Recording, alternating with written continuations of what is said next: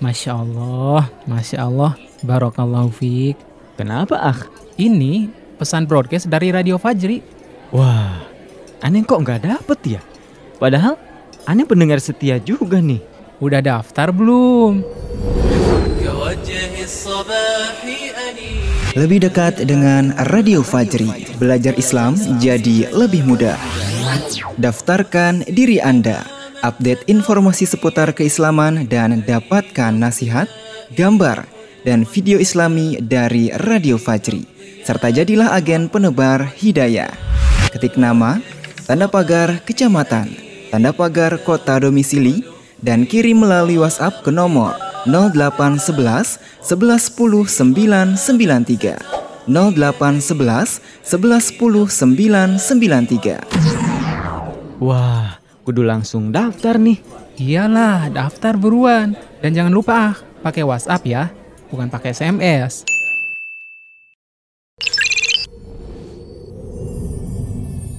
Dalam rangka upaya pencegahan penularan COVID-19 di masyarakat, maka dihimbau kepada seluruh masyarakat untuk tetap di rumah, tidak bepergian ke tempat-tempat umum kecuali untuk sesuatu yang sangat penting.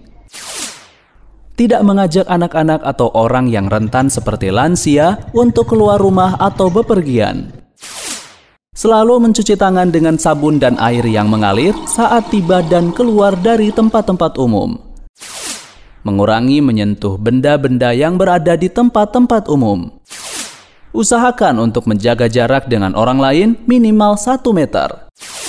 Apabila merasa sakit seperti merasa batuk, demam, dan sesak nafas, maka gunakan masker dan segera memeriksakan diri ke pusat pelayanan kesehatan.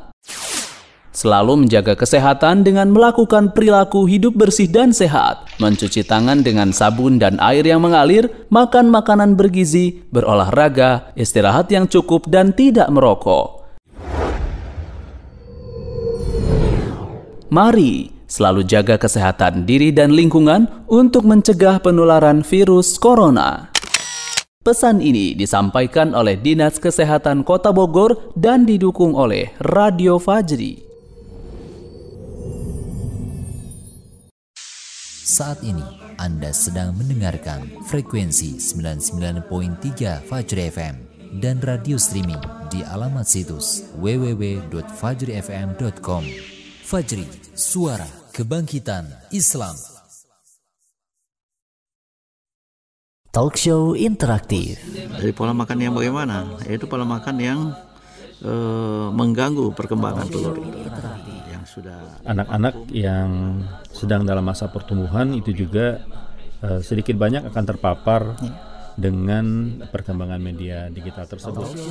Dalam program acara talkshow interaktif spesial dokter menyapa.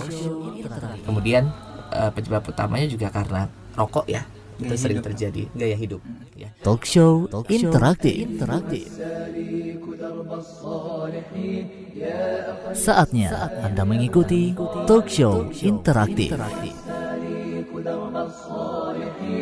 يا أخ الإسلام يا ابن الخالدين. قم بنا فالكون مشلول اليقين. قم بنا فالأرض أوحال وطين قم بنا فالكون مشلول اليقين. قم بنا فالأرض أوحال وطين واحمل الزاد وأنوار اليقين.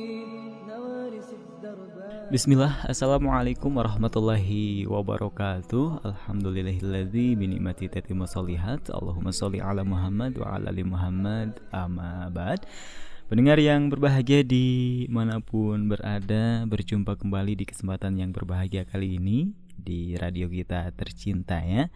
Di gelaran talk show kesehatan edisi Jumat malam ya atau malam Sabtu tanggal 30 Oktober 2020 Masehi bertepatan dengan tanggal 14 Robiul Awal 1442 Hijriah. Insya Allah selama kurang lebih satu jam ke depan Maiki akan menyapa dan menemani Anda ya. Kita akan berbincang tentunya seputar dunia kesehatan terlebih di situasi yang masih belum begitu aman ya. kita masih berada dalam ancaman pandemi COVID-19 ya atau uh, corona. Nah, buat pendengar di mana pun berada, pertama Iki ya, tanyakan kabar Anda, apa kabar? Mudah-mudahan kabar Anda senantiasa dalam keadaan terbaik, sehat, walafiat ya, dan syukuri kesehatan tersebut dengan senantiasa menjaganya ya, mematuhi protokol kesehatan ya. Nah, bagi Anda yang ingin berinteraksi bersama kami di kesempatan talk show kali ini silakan Anda bisa menghubungi di 0811 1110 993. 0811 1110 993 Anda bisa melalui WhatsApp, Telegram, juga SMS atau mungkin bagi Anda yang saat ini tengah aktif di dunia maya khususnya Facebook silakan mampir ke fanpage Radio Fajri di facebook.com garis miring Radio Fajri karena sudah ada postingannya ya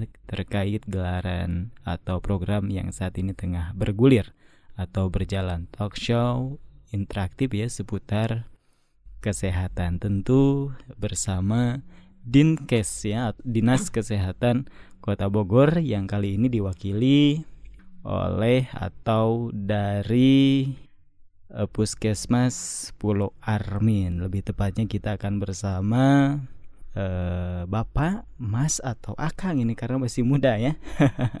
Ada Bapak Wawan Gunawan ya, uh, Esfam APT atau apoteker muda dari Puskesmas Pulau Armin. Assalamualaikum warahmatullahi wabarakatuh, Bapak Wawan. Waalaikumsalam warahmatullahi wabarakatuh, Bang Iki. Gimana kabarnya? Sehat? Alhamdulillah sehat, Bang Iki. Hmm, sudah lama kita tidak bersua ya. Sekitar setahun ya. Hampir setahun Hampir ya. setahun, Masya iya. Allah. Dulu mungkin sebelum pandemi, Pandemi, ya. Alhamdulillah kita kali ini berjumpa kembali ini bersama Bapak Wawan. Ini asa kurang enak manggil Bapak mungkin karena masih muda gitu ya. Atau panggilnya apa nih? Kita sepakati terlebih dahulu. Sepakati aja. Apa? Boleh panggilan Sunda apa bahasa panggilan Sunda? Akang ya, ya. boleh.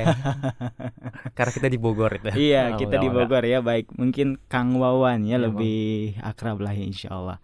Baik pendengar di mana pun berada demikian ya eh, narasumber kita atau bintang tamu kita dari Dinkes Dinas Kesehatan Kota Bogor yang saat ini bertugas mungkin di Puskesmas Pulau Armin.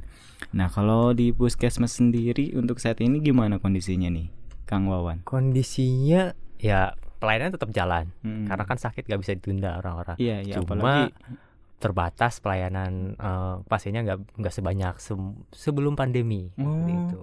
Gitu ya. Mm-mm. Bukan semakin bertambah, tapi mungkin Mungkin berkurang. masyarakat takut. Oh, bisa Mungkin jadi, masyarakat bisa takut jadi. iya. gitu. Masyarakat takut Takut padahal kalau mau ya. berobat ya sakit ya berobat ya berobat aja. Karena kita sudah pakai APD lengkap gitu. Hmm. Ada penapisan di depan jadi kalau yang memiliki gejala Covid kita kasih ke ruang isolasi. Hmm. Jadi tetap aman insya Allah. Baik. Walaupun ada yang nih yang datang ke puskesmas ya masyarakat tetap menjalankan protokol, Protokol kesehatan. kesehatan tetap dijalankan. iya. Hmm. Wajib menggunakan masker. Iya iya. Kan di sebagian instansi atau mungkin lembaga-lembaga lain termasuk lembaga pemerintah eh, lagi eh, apa namanya musim WFH Iya, work from home. Kalau di Puskesmas Pulau Armin sendiri gimana? Apakah sebagian unit ada yang dari rumah atau tetap berjalan sebagaimana biasanya? WFH kita berlakukan juga mengikuti peraturan pemerintah, tapi Hmm. di setiap unit itu pasti ada yang masuk. Hmm. Jadi nggak usah khawatir, pasti ada yang masuk. Misal di bagian dokter ada empat orang, pasti nanti dokternya dua orang yang masuk, dokter Iya, iya. yang di rumah seperti itu. Jadi WFH juga ya? WFH juga. Kita butuh istirahat sakit. juga. iya, dokter, tenaga medis Semua juga medis butuh ini. istirahat ya. Iya. Baik mendengar di mana pun berada ya. Pemanfaatan obat tradisional di era pandemi. Ini penting sekali temanya ya. Pemanfaatan obat tradisional di era pandemi kan hmm, katanya ya karena situasinya seperti ini ekonomi kita tentu terancam bahkan sudah menurun gitu ya. Ya. Bagi sebagian kalangan orang untuk membeli obat-obat yang mungkin hmm, apa jenisnya obat kimia dengan harga yang menurut Naiki sendiri biasanya lebih mahal dibanding obat tradisional ya. Mudah-mudahan pembahasan kita menjadi solusi bagi teman-teman atau pendengar di mana pun berada ingin menghemat juga gitu tapi ingin menjaga kesehatan secara sempurna juga gitu ya maksimal dalam ikhtiar. Nah, pemanfaatan obat tradisional yang bisa saja tumbuhan-tumbuhannya tersebut ada di sekitar kita, ada di lingkungan kita. Hanya saja kita karena kurang ilmu gitu ya, nggak ngeh kalau itu adalah obat. Dan kita saat ini sangat-sangat membutuhkan imun yang kuat. Nah, itu daya daya tahan tubuh di mana pandemi COVID-19 ini masih sedang mengancam kita. Oke, kita akan langsung ya ngobrol bersama Kang Wawan. Pemanfaatan obat tradisional daerah pandemik ada jenis apa saja sih mungkin obat-obatan tradisional atau mungkin tumbuh-tumbuhan tradisional yang bisa kita konsumsi untuk menjaga kesehatan tubuh kita terutama untuk meningkatkan imun kita. Jadi kita kembali ke pengertian obat tradisional itu sendiri. Ya. Mm -hmm. Obat tradisional itu kan berasal dari bisa dari tumbuhan, bisa dari iya, iya. hewan, iya. mineral. Iya, nah, itu iya. bisa dimanfaatkan. Uh, yang penting sudah digunakan secara terus menerus secara empirik dari mm -hmm. turun temurun. Nah, itu biasanya disebut jamu. Yeah. Obat tradisional itu ada beberapa golongan, ada jamu, terus ada obat herbal terstandar. Mungkin ini obat-obatan mungkin kayak skala industri obat, yeah. tapi mereka sudah mengelola tanamannya itu sudah distandarisasi. Jadi jatnya udah ter jatnya sudah terkontrol ya mm-hmm. kandungannya di sini tanahnya udah udah pas pupuknya yeah. nah ada ada jenis obat tradisional yang udah diuji secara klinis yang ini bisa diresepkan ya namanya obat tradisional pitofarmaka ini penggunaannya udah udah bagus penelitiannya udah lama mm-hmm. nah untuk obat-obatan kita nggak bisa memungkiri di lingkungan sekitar itu di dapur kita sendiri itu banyak obat tradisional sebenarnya hmm, ya. di dapur di dapur kita juga pasti pasti kalau buka ibu-ibu kalau masak mungkin bumbu-bumbu itu bisa jadi obat yeah. tradisional kayu mm. manis yeah, yeah. terus misalkan apa yang merica mm lada mm cabai juga jahe kunyit nah itu yang bumbu-bumbu dapur merupakan obat tradisional cuma pemanfaatannya aja yang mungkin masyarakat awam kayak ini bumbu aja gitu kan jadi uh -uh. kurang kurang pas nah ya yeah, yeah. seperti itu jadi kalau untuk meningkatkan daya tahan tubuh di masa pandemi ini obat-obatan tradisionalnya di pinggiran mungkin kita lihat meniran yang daunnya kecil-kecil seperti daun pete tuh. Mm-hmm. Itu bagus banget untuk imunidulator. Jadi untuk meningkatkan daya tahan tubuh. Itu dipakai buat obat-obatan kayak apa saya harus sebut merek nih yang mahal banget tuh di pasaran yang mm. kimianya itu biasanya mengandung meniran deh. Mm. Nah, terus kunyit, temulawak. Ya, ya. Kunyit, temulawak itu untuk meningkatkan daya tahan tubuh. Terus um, untuk misal pada masa Covid ini nih, menyerangnya kan pernapasan ya ispa yeah. takutnya sesak kita boleh menggunakan sambiloto seperti itu hmm. nah untuk misalkan daya tahan tubuh yang paling sederhana yang banyak lagi naik daun sekarang ini yang daunnya kayak pete kelor daun kelor daun kelor itu kandungan vitamin C-nya tinggi banget, antioksidannya sangat tinggi. Hmm. Itu ibu-ibu kalau di lingkungan ibu-ibu atau bapak-bapak pendengar nih yang punya tanaman daun kelor boleh dipetik, disiram air panasnya didiemin diminum itu ke udah vitamin C-nya banyak tinggi banget itu. Dikonsumsi ya, Dikonsumsi bukan untuk hari. mengusir kolor hijau. ya. Roh halus itu. Iya. Kita manfaatkan tumbuhan yang ada mungkin iya, ya. Betul. Dan obat tradisional ini kan biasanya Kang Wawan adalah racikan ya, mungkin salah satu jenisnya adalah Campur jamu hmm. ya. Nah, dengan mengilmui nih ya bagaimana mengolah tanaman yang ada yang dipercaya kan biasanya turun temurun ya. ya. Kalau obat tradisional itu ada yang diuji secara klinis memang berhasil gitu. dan tidak hanya tumbuhan sebenarnya ya. hewan dan lain sebagainya juga bisa dimanfaatkan kalau untuk jenis-jenisnya sendiri Kang Wawan jenis jamu gitu obat mm -hmm. tradisional mm -hmm. jamu itu kan ya sediaan bat alam yang kemasannya kayak rebusan biasanya kayak gitu ya mm. itu rebusan jamu kemudian ada infusa serbuk ya yeah. kadat berupa tablet juga obat hmm. tradisional itu nggak semestinya nggak semesti harus jamu aja banyak yeah. banyak kemasannya hmm. iya iya dan ada yang sudah dijual bebas di pasaran itu kan yeah. sudah mendapatkan izin, izin. dari hmm. BPOM ya dari Lokapom ya dan lain sebagainya ada juga mungkin yang ya inisiatif sendiri saja gitu ya yeah. tumbuhannya ini yang dipercaya akan uh, khasiat tertentu gitu hmm. kemudian kita olah sendiri gitu ya. ya. betul. Baik, dan kami undang bagi Anda yang ingin bertanya pendengar di mana pun berada silakan di 0811 1110 993 ya di 0811 1110 993 atau ke facebook.com garis miring radio Fajri. Kalau untuk obat tradisional yang memiliki sesuai kebutuhan kita saat ini ya karena sedang diancam Mhm. pandemi corona ya COVID-19 kan yang paling penting adalah untuk meningkatkan imun. Kira-kira tumbuhan apa atau mungkin obat tradisional apa saja nih Kang Wawan yang relevan dengan situasi kita saat ini? Kalau untuk sebagai imun obat-obatannya jahe merah bisa itu Iya. bagus jahe merah Iya. temulawak Mm-mm. kunyit kandungan kurkuminnya ya di situ terus meniran sirih merah mengkudu keladi tikus buah merah banyak sih sebenarnya ya buah Hmm. merah kayak gitu, -gitu. Iya. kencur bisa Mm-mm. Heeh, kayak gitu nah kalau obat-obatannya yang udah tersedia eh, kayak bisa stimuno yaitu stimuno itu kayak pitoparmaka ya itu obat tradisional yang udah melalui uji klinis itu untuk meningkatkan daya tahan tubuh bagus sih iya Iya, iya, iya. Kalau dari Dinkes sendiri dari pelayanan kesehatan di era pelayanan atau mungkin penanganan ya di era COVID-19 ini. Programnya mungkin yang ada di Dinkes atau di Puskesmas sendiri. kalau untuk pelayanan covid ini ya kita pelayanan dasar tetap ada Mm. cuma untuk covidnya ada dilakukan swab ya Mm. dilakukan swab kalau untuk pengobatan ya nggak ada ya paling dirujuk rujuk soalnya udah ada rujukannya Mas. Hmm. sudah ada kita rujukan ke ru- rumah sakit Mm-mm. untuk penanganan covid untuk Iya. puskesmas hanya sebatas penapisan dan ada swab aja Iya, iya, iya. Nah, ini dengar eh, COVID ini sudah ada vaksinnya ya. Itu benar Mas atau gimana? vaksin emang sudah ada tapi masih diuji ya masih Oh. uji mungkin masih belum siap nih di berita nih saya Mm-mm. kurang berkompeten untuk menjawab masalah vaksin Ya, baik. Kita Nanti- ikuti saja perkembangannya tentang Iya, vaksin dan tentu kita Nah. mengharapkan solusi ya Iya. untuk Untuk ya, saat ini dari dinas paling masih pendataan untuk vaksinasi. Vaksinasi iya. Baik, tadi kita sebagian sudah membahas tentang obat tradisional yang mudah-mudahan jadi solusi gitu ya. Hmm. Kemudian kita akan sedikit eh, berbicara tentang mekanisme pertahanan tubuh nih. Tentu kan pertahanan tubuh kita sangat dibutuhkan saat Iya. ini. Jadi mekanisme pertahanan tubuh dari obat-obat tradisional ini meningkatkan pertahanan tubuh ya. Misalnya kencur itu ada zat-zatnya kayak flavonoid itu untuk meningkatkan bersifat stimulator untuk meningkatkan kemampuan efek membunuh bakteri. Di situ Hmm. kayak kencur, bisa di jahe juga. Ya.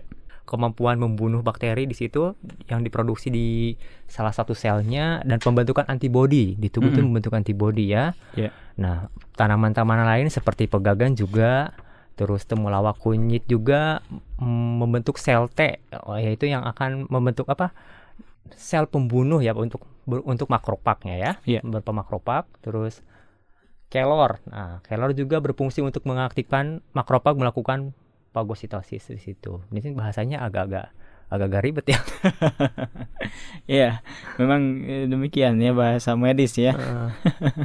Pendengar di mana pun berada silakan bagi yang ingin bergabung di kesempatan malam hari ini di 0811 11 10 993 atau ke facebook.com garis miring radio Fajri. Nah selanjutnya mungkin kita akan berbicara tentang tips ya. Tips ini tentu sangat kita butuhkan ya untuk meningkatkan daya tahan tubuh kita ya dengan cara kesehatan terutama cara kesehatan eh, tradisional. Namun tidak dipindah frekuensi karena setelah yang berikut ini kami akan segera kembali.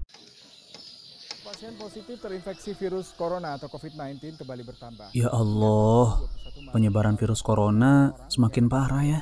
Iya, dari hari ke hari udah semakin mengkhawatirkan. Kok bisa cepat gitu sih penularannya? Jadi gini nih, virus corona ini kan menular dari orang ke orang ya. Karena kontak fisik langsung, bisa juga dari cipratan atau napas dari orang yang sedang bersin atau batuk. Nah, cipratan itu mendarat di benda atau permukaan yang disentuh oleh orang lain. Lalu orang sehat ini menyentuh mata, hidung, atau mulut mereka. Oh gitu. Iya, virus corona ini juga bisa menyebar ketika cipratan kecil itu dihirup oleh orang yang sehat ketika berdekatan dengan orang yang terinfeksi corona. Wah, bahaya juga ya. Jelas bahaya, tapi tenang, jangan panik. Virus corona ini bisa dihindari dengan cara yang sederhana dan mudah. Gimana caranya? Caranya, biasakan cuci tangan secara teratur dengan sabun dan air mengalir. Kemudian juga jangan lupa memakai masker wajah jika memang harus bepergian ke tempat ramai. Menutup hidung dan mulut ketika batuk atau bersin, memasak daging atau telur sampai benar-benar matang, hindari juga kerumunan atau tempat umum. Kurangi juga bepergian tanpa kebutuhan mendesak. Dan jaga jarak dari orang yang sedang mengalami flu, batuk, dan demam. Oh gitu ya? Iya, dengan melakukan hal-hal tadi, insya Allah kemungkinan kita terkena virus corona menjadi kecil. Jadi, panik bukanlah solusi untuk melawan virus corona. Lebih baik kita waspada dan bijaksana dengan mengikuti anjuran dari dokter ahli dan Kementerian Kesehatan. Mari selalu jaga kesehatan diri dan lingkungan untuk mencegah penularan virus corona.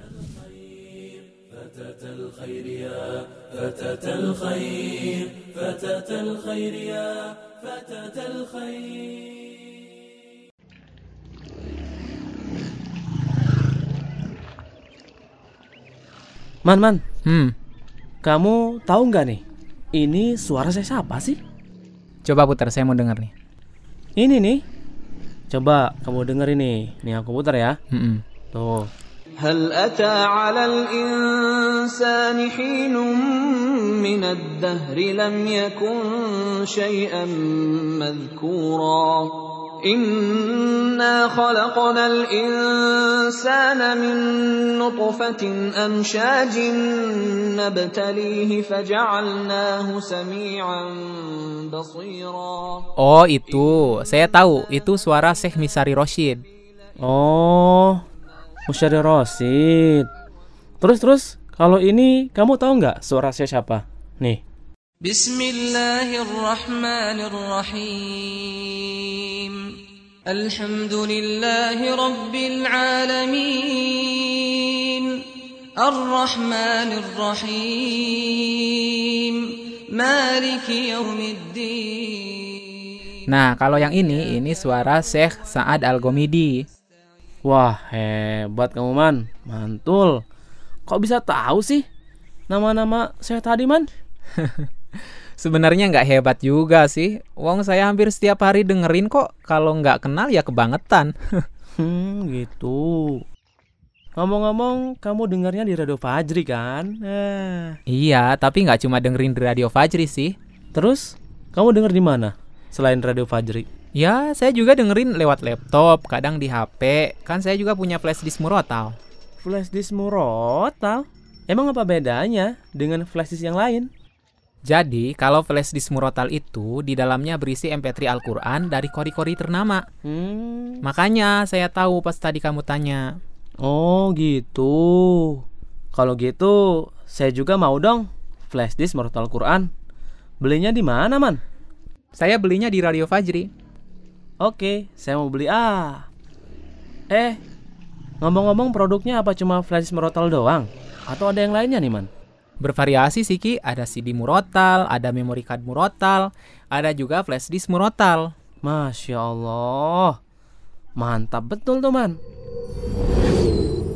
Rasakan kebahagiaan dengan mendengarkan lantunan Al-Quran. Miliki segera produk murotal Quran dari kori-kori ternama. Insya Allah akan membantu Anda mendengarkan Al-Quran kapan pun dan di mana pun Anda berada. Anda bisa memilikinya dalam bentuk CD, memory card, dan flash disk. Untuk info harga dan pemesanan, hubungi nomor WhatsApp 0857 993 993 98. Sekali lagi, 0857 993 993 98. 100% keuntungan untuk dakwah Islam Radio Fajri.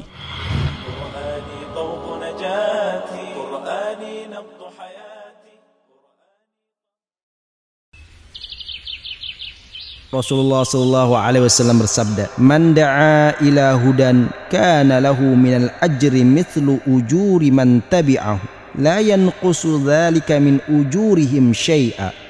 Siapa yang mengajak kepada petunjuk, maka dia akan mendapatkan pahala sebesar pahala orang-orang yang mengikutinya tanpa sedikit pun mengurangi pahala mereka. Masya Allah ya Rif, sungguh luar biasa. Apa yang Masya Allah dan luar biasa, Man? Ya itu tadi, ceramahnya Ustadz. Oh bener tuh, Man. Saya jadi semangat banget nih untuk menyebarkan dakwah dan ajakan kebaikan. Eh, ada pesan masuk nih. Dari siapa ya? Hmm, coba saya baca. Simak dan dengarkan Radio Fajri 99.3 FM. Pesan dari siapa, Mat? Oh, ini Rif. Dapat broadcast dari temen. Ajakan buat dengerin Radio Fajri FM. Masya Allah, Mad. Bener tuh. Bagus, bagus. Bagus banget broadcastnya. Radio Fajri memang radio dakwah yang kaya akan ilmu agama, Mad. Oh, gitu. Dengan mendengarkan Radio Fajri, bisa menambah wawasan keislaman dan memperkuat keimanan serta ketakwaan kita, Mad. Hah? Beneran kamu, Rif? Iya, bener. Bener, Mad. Coba deh kamu dengerin. Wah, iya. Keren, Rif. Ada streamingnya juga nih di www.fajrifm.com. Dengerin ah. Semua hamba Allah Subhanahu wa taala berpeluang untuk meraih ampunan. Nah, Mad, biar kamu dapat pahala kebaikan berlipat seperti yang Ustadz bilang, sebarin aja broadcast informasi Radio Fajri FM sebanyak-banyaknya. Hmm, iya ya Rif. Insya Allah saya akan istiqomah dengerin Fajri dan mendakwahkannya juga. Alhamdulillah, seneng saya dengernya. Pendengar yang dirahmati oleh Allah Subhanahu wa taala. Mari bersama menebar hidayah Islam melalui Radio Fajri FM ke seluruh Nusantara. Sebarkan info berharga ini dan dapatkan multi level pahalanya. هلت بعطاء تسقينا أقبلت فأزهرت الدنيا والبشر توالى يحوينا Radio Fajri, suara kebangkitan Islam. أيها السالك درب الصالحين يا أخ الإسلام يا ابن الخالدين. أيها السالك درب الصالحين يا أخ الإسلام يا ابن الخالدين. قم بنا فالكون مشلول اليقين. قم بنا فالأرض أوحال وطين قم بنا فالكون مشلول اليقين. قم بنا فالأرض أوحال وطين واحمل الزاد وأنوار اليقين. نوارس الدرب بزيتون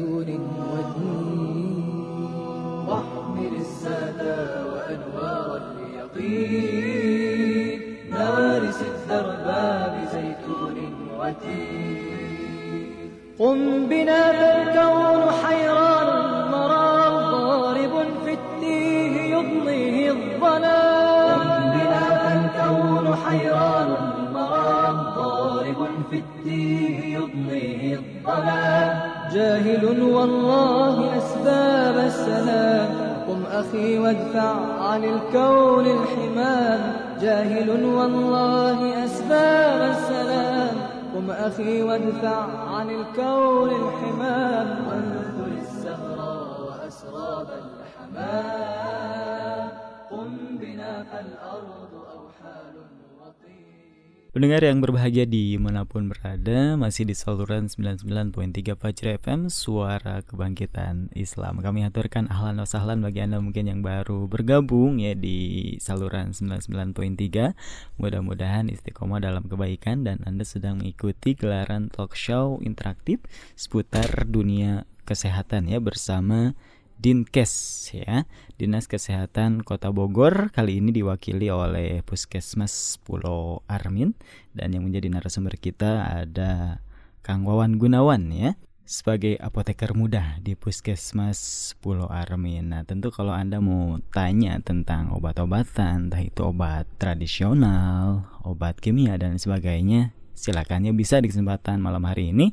Langsung saja hubungi 0811 1110 993 atau ke facebook.com garis miring radio Fajri. Kang Wawan masih semangat ya insya Allah Insya Allah berhubung pertanyaan sudah banyak yang masuk di kesempatan malam hari ini ya. Ya. dari WhatsApp maupun dari Facebook. Mungkin kita akan langsung saja ya masih dengan tema penggunaan obat tradisional di masa pandemi COVID-19. Baik, yang pertama, sebelum nanti kita berbicara atau ya menyampaikan tips ya. Tadi Maiki sudah berjanji di sesi pertama, di sesi kedua ini akan disampaikan tips untuk meningkatkan imun di era pandemi COVID-19. Namun Maiki dahulukan uh, untuk menanggapi pertanyaan yang sudah masuk. Yang pertama melalui WhatsApp ada siapa nih? Dari 08127773569 sekian sekian sekian. Assalamualaikum. Waalaikumsalam warahmatullahi wabarakatuh. Ustadz saya mau bertanya Untuk talk show interaktif tentang penggunaan obat tradisional dalam pandemi Seberapa efektifkah jika kita berikhtiar dengan herbal seperti madu atau rimpang dan yang lainnya sebagai imun eh, dalam pandemi ini? Terima kasih. Sudah bisa ditangkap nih eh, Kang Wawan pertanyaannya ya. Seberapa efektif nih obat-obatan tradisional ya? Seperti ya madu mungkin salah satunya ya. Ada rimpang juga. Ini untuk meningkatkan daya tahan tubuh kita. Untuk efektif atau tidaknya penggunaan obat tradisional tergantung kita penggunaannya ya. Hmm. Jadi misalkan betul apa tidak penggunaan obat itu sendiri, cara pengolahannya juga seperti apa. Kadang kan Hmm. kita asal mengolah ya, Iya. di, di tempatnya gimana, rimpangnya asalnya dari mana. Kalau Mm-mm. misalkan kita ya udah asal petik, asal rubuh, ya kandungannya kita kurang tahu udah cukup apa tidak Iya, iya, seperti iya, iya. itu. Jadinya Nah, efektif tidaknya itu tergantung. Iya, Ya, iya, iya. Takarannya juga tergantung. Soalnya dari kita harus melihat dari eh, kandungan-kandungan dari bahan-bahan itu sendiri, Iya. banyaknya juga seperti apa untuk meningkatkan daya agar si jamu ini memberikan efek terhadap tubuh kita. Hmm. Kalau ditanya efektif atau tidak ya tentu efektif sudah Efektif, jelas betul. ya. Hanya saja seberapa efektif ya kalau Iya, ditanya seberapa seberapa, itu efektif ya, tergantung, tergantung atau kembali kepada kita. Benar enggak cara mengolahnya? Iya. Benar enggak cara mengkonsumsinya gitu ya. Tapi yang pasti buat Anda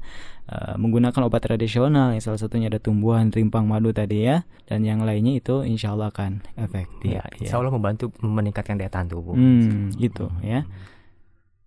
Ini membantu ya atau mungkin mencegah ya. Kalau untuk mengobati ini Iya, lain pembahasan. ya. Betul iya. Mengobati lain lagi membantu. Tapi alhamdulillah nih Pak atau Kang Wawan ya dari kasus yang banyak terjadi ya mungkin salah satunya di Bogor banyak juga kok yang sembuh ya. Iya. Alhamdulillah ya.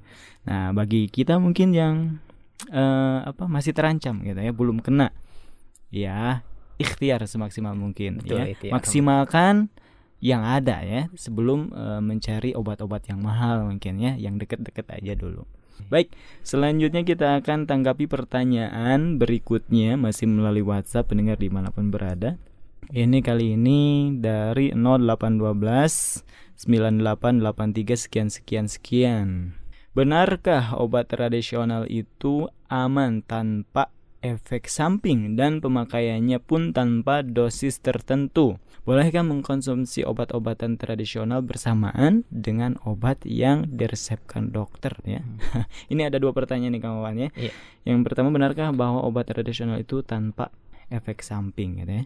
Kemudian boleh nggak kalau kita eh, konsumsi obat tradisional berbarengan dengan obat konvensional, obat kimia ya? Kimia, iya. Baik. Oh, pertanyaan yang menarik nih. Bagus banget pertanyaannya. Jadi kadang di masyarakat kita itu salah persepsi ya. Obat tradisional mentang-mentang dari alam itu aman. Hmm. Aman pokoknya Iya, iya, obat iya. nggak ada efek sampingnya. Iya, iya. Emang gitu kan? Ya, eh, mindset kita saat mindset ini kita ya. ini saat ini ya obat tradisional aman tanpa efek samping. Sebenarnya justru obat tradisional yang eh, kandungannya kita nggak tahu nih. Iya. Dosisnya kita nggak tahu jadi justru ada efek sampingnya yang kita nggak tahu nggak kita kita nggak ketahui. Eh, nggak terasa langsung gitu kan. Nah, padahal zat kimia juga kalau obat-obat konvensional ini kan kebanyakan juga diambil dari zat eh, dari tanaman tradisional. Mm-mm. Sebenarnya jadi dia pasti memiliki efek samping. Iya, iya. Efek samping tertentu kayak ah, anggaplah obat tradisional ah, tanaman herbal apa ya lupa kayak kumis kucing itu pasti efek sampingnya ada banyak kencing juga tuh. Hmm, Itu padahal efek ya. samping. Iya, itu efek sampingnya. Iya, iya, Hmm, Efek iya. yang yang tidak diharapkan selain Hmm. kita eh, mengharapkan efek yang sesungguhnya buat pengobatan kita. Iya. Nah, terus dosisnya juga kan eh, masyarakat karena minta obat tradisional sesukanya aja. Iya, Padahal iya. nggak seperti itu. Iya. Dosisnya juga ada takarannya misalkan Iya. sejumput, segenggam, segenggam itu segimana. Jadi nggak nggak satu pohon langsung direbus itu aja. Dirabut ya. Uh, jadi banyak-banyak nanti justru uh, khawatir zat kimia yang tidak diinginkan dari si tanaman tersebut itu memberikan efek yang nggak bagus buat tubuh kita. Iya. Karena ada juga ya zat kimia memang dari alam ya. iya. Dalam pembahasan yang lain tentunya gitu ya. Tapi mungkin efek samping dari obat tradisional tidak seberisiko obat kimia gitu Iya, ya. uh-uh. Tapi Mm-mm. karena Tapi itu tetap harus diperhatikan. Iya, ada obat-obatan tradisional yang nggak boleh dikonsumsi. Banyak obat-obat eh, tanaman-tanaman yang buat mengobati Oh. kanker itu itu sangat berbahaya, makanya di- di- dilarang. Iya, iya. Ada dilarang tanaman tertentu untuk dikonsumsi oleh masyarakat. Hmm. Hmm. Kan ada yang dikonsumsi, ada juga sekedar balur nih. Nah, untuk pertanyaan keduanya itu kan apakah aman digunakan dengan obat-obatan yang diresepkan oleh dokter obat kimia? Uh-uh. Sebenarnya obat tradisional ini eh, tidak boleh digunakan berbarengan. Karena dia dapat meningkatkan meningkatkan efek obat dari yang kimia Hmm. atau menurunkan efek sam- Oh. efeknya. Jadi ada baiknya kayak pada saat menggunakan obat dokter, obat kimia, dikasih jeda 2 jam sebelum atau sesudahnya.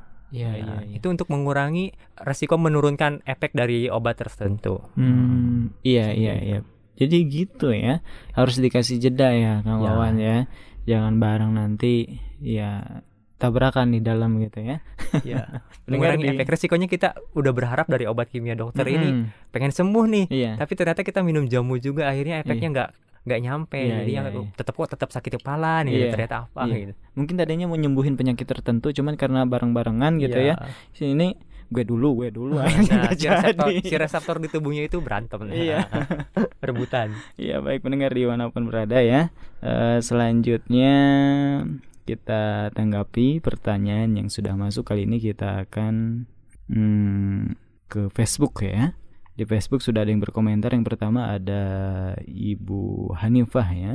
Assalamualaikum Waalaikumsalam warahmatullahi wabarakatuh Apa benar mengkonsumsi air kelapa muda dapat mencegah penularan COVID-19 COVID-19 Syukron atas penjelasannya Minum air kelapa muda Ini nih Kang Wawan Iya. Kumaha Kalau gitu banyak-banyak jajan Minum es apa? kelapa iya minum air kelapa muda mencegah penularan COVID-19 betul bisa Hmm. tapi dengan cara tetap menjalankan cuci tangan Hmm. pakai masker Iya, menjaga iya. jarak tetap Iya, di iya. rumah air kelapa emang bagus buat tubuh juga Hmm. tapi bukan berarti air kelapa dapat mencegah penularan COVID penularan Iya, COVID iya. tapi masih semua Iya. orang bisa terpapar dengan Iya. COVID seperti itu Iya, ya iya. Seenggaknya dengan minum air kelapa ya mungkin daya tahan tubuh ya salah Tahan satunya tubuhnya bisa meningkat. mm-mm, toksik eh, mengurangi toksis dalam tubuh ya Iya, biasanya iya. kalau air kelapa racun tapi Iya. tidak membunuh virus Hmm. seperti itu tapi ya kalau dengan minum air kelapa tetap menggunakan masker dan menjaga 3M ya Iya. peran pemerintah 3M memakai masker mencuci tangan Hmm. menjaga jarak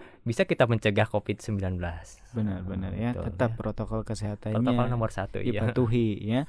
Anda membeli es kelapa, atau membeli eh, apa kelapa muda ya, kelapa muda apalagi kelapa hijau ya. Ya kalau minum air kelapa muda sambil nongkrong-nongkrong nggak pakai Iya. masker ya sama aja kan Berbaur gitu ya. iya Mm-mm. Baik, selanjutnya mendengar di mana pun berada ada Empurwati ini masih melalui Facebook ya. Setelah ini insya Allah kita akan langsung eh, memberikan tips untuk anda nanti akan disampaikan oleh Kang Wawan ya.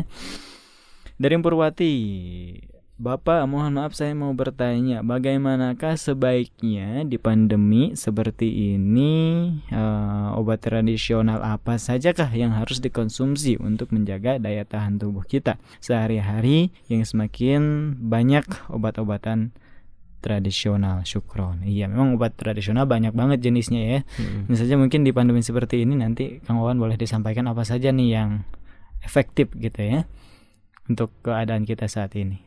Ya, obat-obatan tradisional tadi pas seperti di awal sudah dibahas ya. Banyak sekali di lingkungan kita yang bisa digunakan. Mhm. Contohnya tadi daun kelor Iya. yang bisa kita rebus atau kita seduh air panas saja.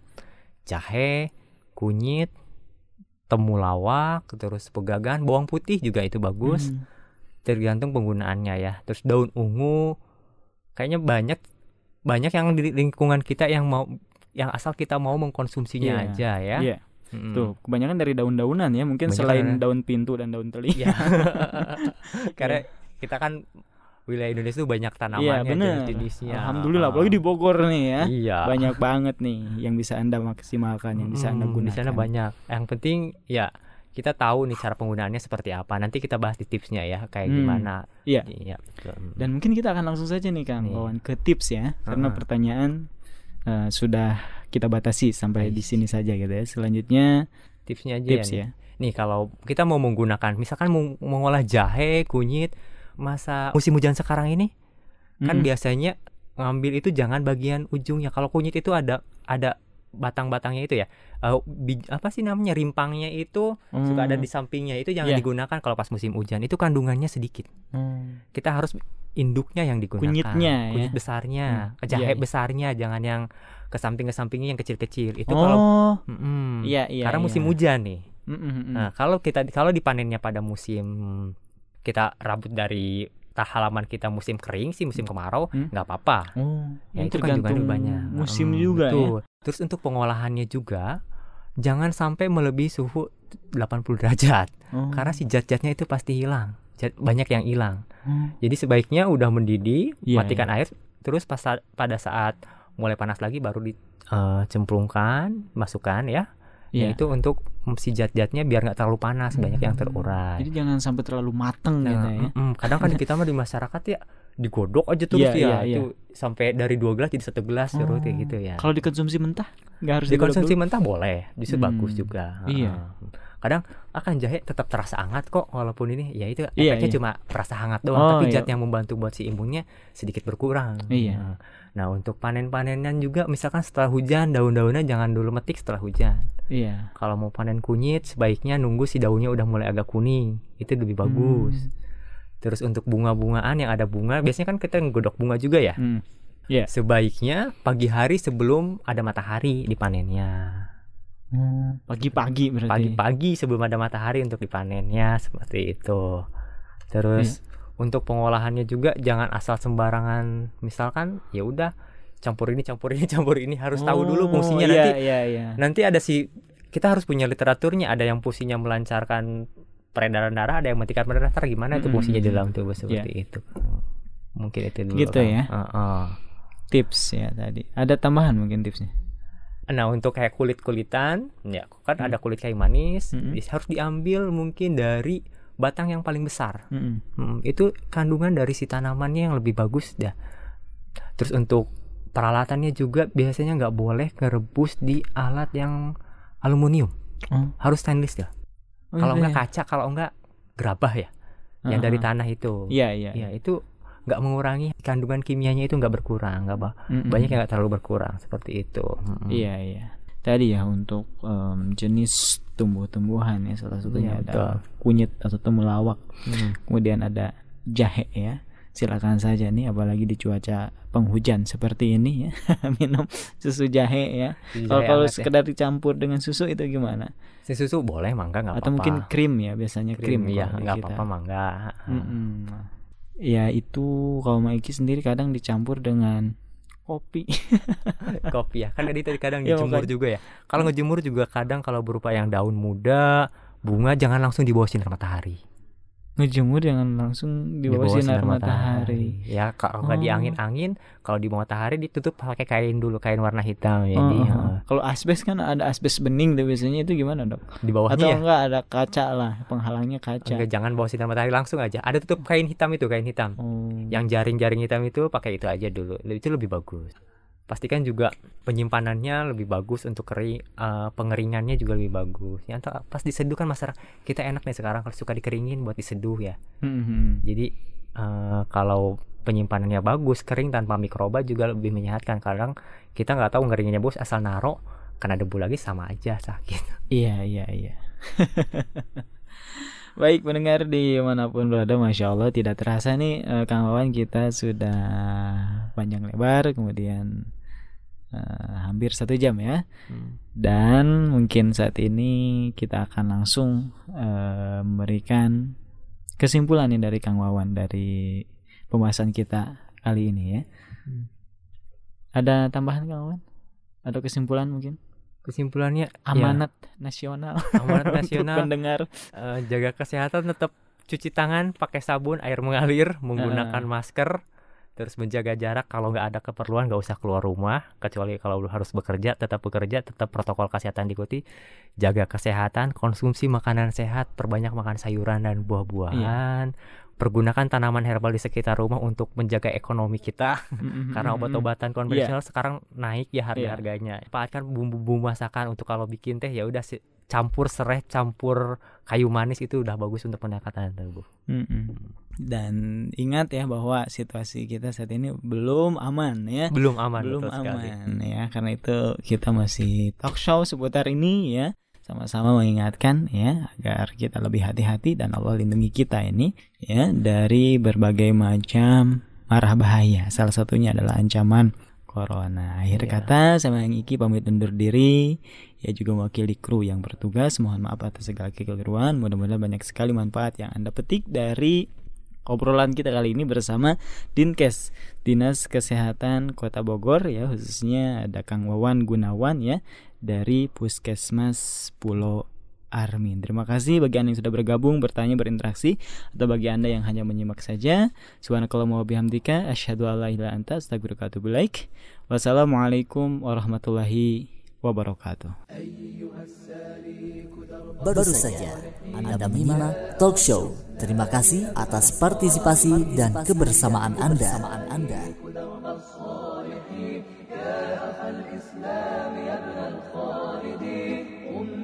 فالكون مشلول اليقين بنا فالأرض أوحال وطين قم بنا فالكون مشلول اليقين قم بنا فالأرض أوحال وطين واحمل الزاد وأنوار اليقين.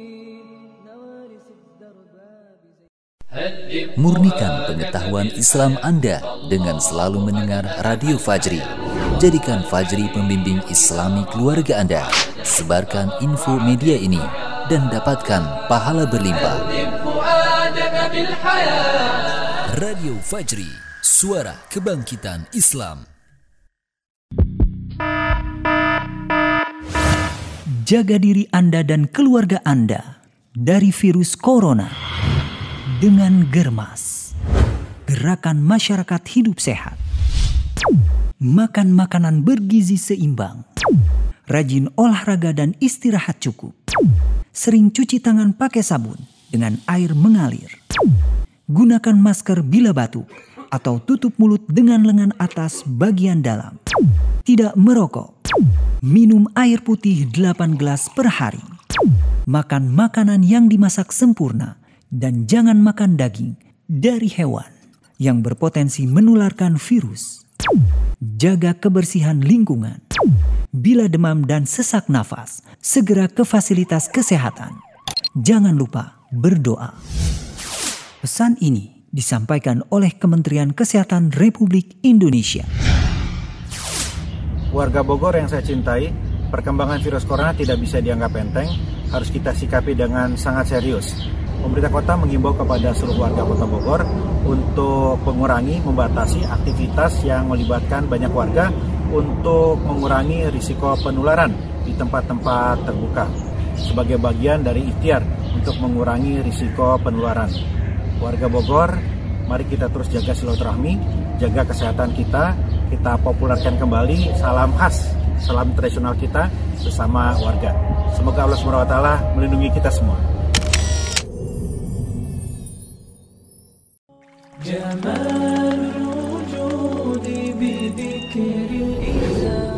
Rasulullah Shallallahu Alaihi Wasallam bersabda, konsumsilah minyak zaitun dan gunakanlah sebagai minyak untuk kulit dan rambut, karena sesungguhnya ia berasal dari pohon yang diberkahi. Hadis riwayat Tirmizi dan Ahmad telah hadir. Mizar, minyak zaitun rukiah, terbuat dari minyak zaitun pilihan kualitas terbaik, extra virgin oil, serta telah dirukiah oleh praktisi rukiah syariah dengan izin Allah. Mizar bisa membantu mengobati penyakit medis dan non-medis. Alhamdulillah, banyak orang yang telah mengkonsumsi mizar dan telah merasakan khasiatnya. Ayo, dapatkan mizar di toko-toko terdekat kota Anda atau Anda juga bisa menghubungi kami di telepon atau WA 0812 1970 5220 0812 1970 5220 atau kunjungi website kami di www.minyakzaitunrukiah.com. Tunggu apa lagi? Segera dapatkan Mizar dan sekarang giliran Anda merasakan khasiatnya. Mizar, Solusi Sehat Islami.